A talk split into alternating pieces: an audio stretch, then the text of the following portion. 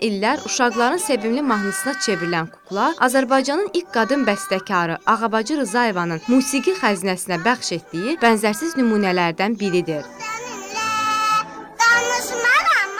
Xoş melodiyalı, qəlblərə yatan mahnıların müəllifi olan Ağabacı Rızayeva Azərbaycan musiqi tarixində özünə məxsus iz qoyub. Ağabacı İsmail qızı Rızayeva 1912-ci ildə Bakıda Ziyalı ailəsində anadan olub. Atası İsmail Rzayev ixtisasca iqtisadçı olsa da, muğamın kamil bilicisi idi. Babası Mirzə Fərəd isə Bakıda tarın ilk ifaçısı, muğamşünas və müəllim kimi tanınıb. Elə Ağabacı Rızayeva da muğamın ilk sirlərini babasından öyrənib.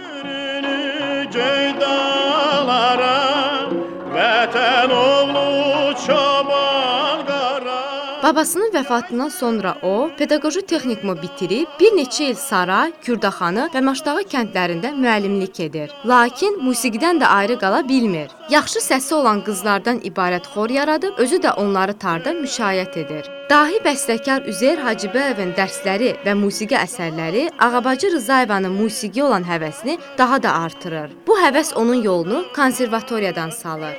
Gəlsin çal tütəyin 1934-cü ildə konservatoriyanın nəzdində xalq musiqi şöbəsi yaradılarkən Üzeyr Hacıbəyev Ağabacı ilə bacısı Ruqiyəni yanına çağırtdırıb deyir: "Qoçaq qızlarsınız. Heç kəs öz qızını tar çalmağa qoymur. Özümüzünkülər gəlsə, başqaları da baxıb həvəsə düşərlər. Beləliklə, bacılar şöbənin ilk qız tələbələri olur."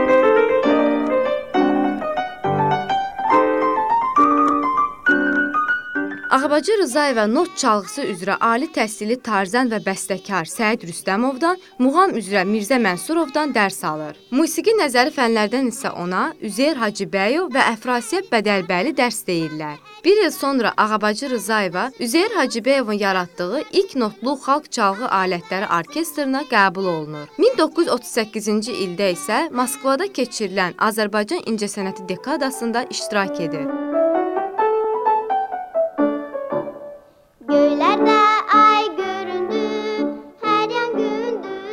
Tədricən Ağabacının qəlbində musiqi bəstələmək istəyi baş qaldırır və o özünün ilk əsəri olan Gənc Vətənpərvərlər marşını bəstələyir. Üzeyir Hacıbəyev tələbəsinin marş əsərini dinləyib öz məmnunluğunu belə bildirir. Sən sübut etdin ki, qadın da bəstəkar ola bilər. Bu sözlər o dövrün reallığını əks etdirməklə yanaşı, gənc musiqiçini daha böyük həvəslə işləməyə ruhlandırır və o Üzeyir Hacıbəyevin bəstəkarlıq dərslərinə də davam etməyə başlayır. Onun ardınca digər istedadlı qızlar da bəstəkarlıq sahəsinə gəlirlər. Biz qoynuna uçarıq. Ağabacı Rızayeva həm Azərbaycanda, həm də bütün şərqdə peşəkar musiqi təhsili almış ilk qadın bəstəkardır.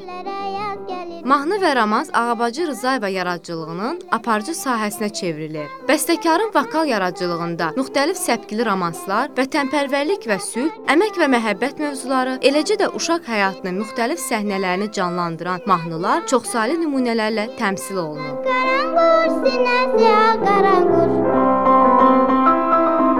Ölməz Üzeyir Hacıbəyev sənətinin güclü təsiri ilə Ağabacı Rızayeva Azərbaycan şairlərinin Nizaminin Könlüm, Füzulinin Afəti Cansan, Sabirin Zülfü Pərişan olmasın qəzəllərinə musiqi bəstələyir.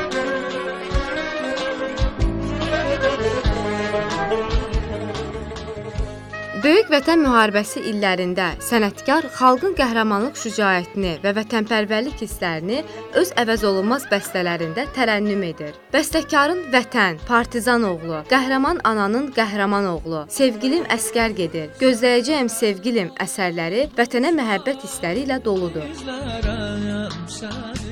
Ağabacı Rızayeva öz yaradıcılığında dinc quruculuq illərində çalışan fəhlələri də unutmur. Onun Neftçi Qurban, Çoban Qara, Neftçilər mahnısı, Muğan qızı mahnıları tez bir zamanda şöhrət qazanır. O geniş kütləyə ünvanlanan Çiçəklənən yurdum, Azərbaycan, Bəxtiyar ellər, Dilbəri mahnılarını da xor üçün bəstələyir.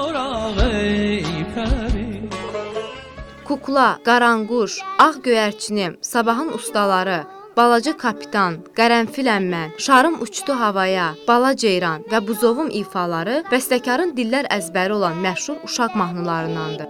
Yerdən sənə nə vaxtdır elçidə göndərmişik Yerdən sənə nə vaxtdır? Ağabacı Rızayeva yaradıcılığından danışarkən, onun Höcət eləmə musiqili komediyasını, Ögey ana dramını, variasiyalarını, iki sonatasını, qaboy, tar və kamança alətləri üçün yazdığı pyeslərini, xalq çalğı alətləri üçün Şənlik suitasında mütləq qeyd etmək lazımdır.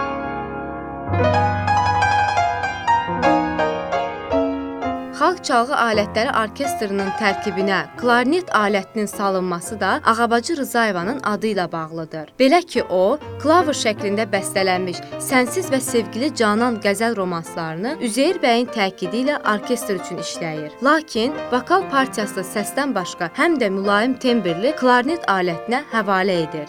Və beləliklə də bu gözəl alət o vaxtdan orkestrda öz yerini tutur.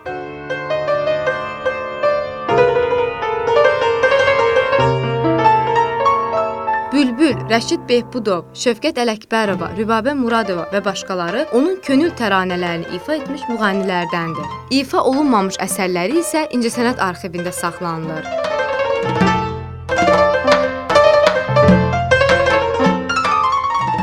Ağabacı Rızayeva Respublikanın ictimai həyatında da fəal iştirak edib. Azərbaycan SSR Ali Sovetinin deputatı olub. Milli bəstəkarlıq sənətinin ilk qadın nümayəndəsi olan Ağabacı Rızayeva 1975-ci il iyulun 5-də 63 yaşında Bakıda vəfat edib. Bəstəkarın məzarı 2-ci Fəxri xiyabanda yerləşir.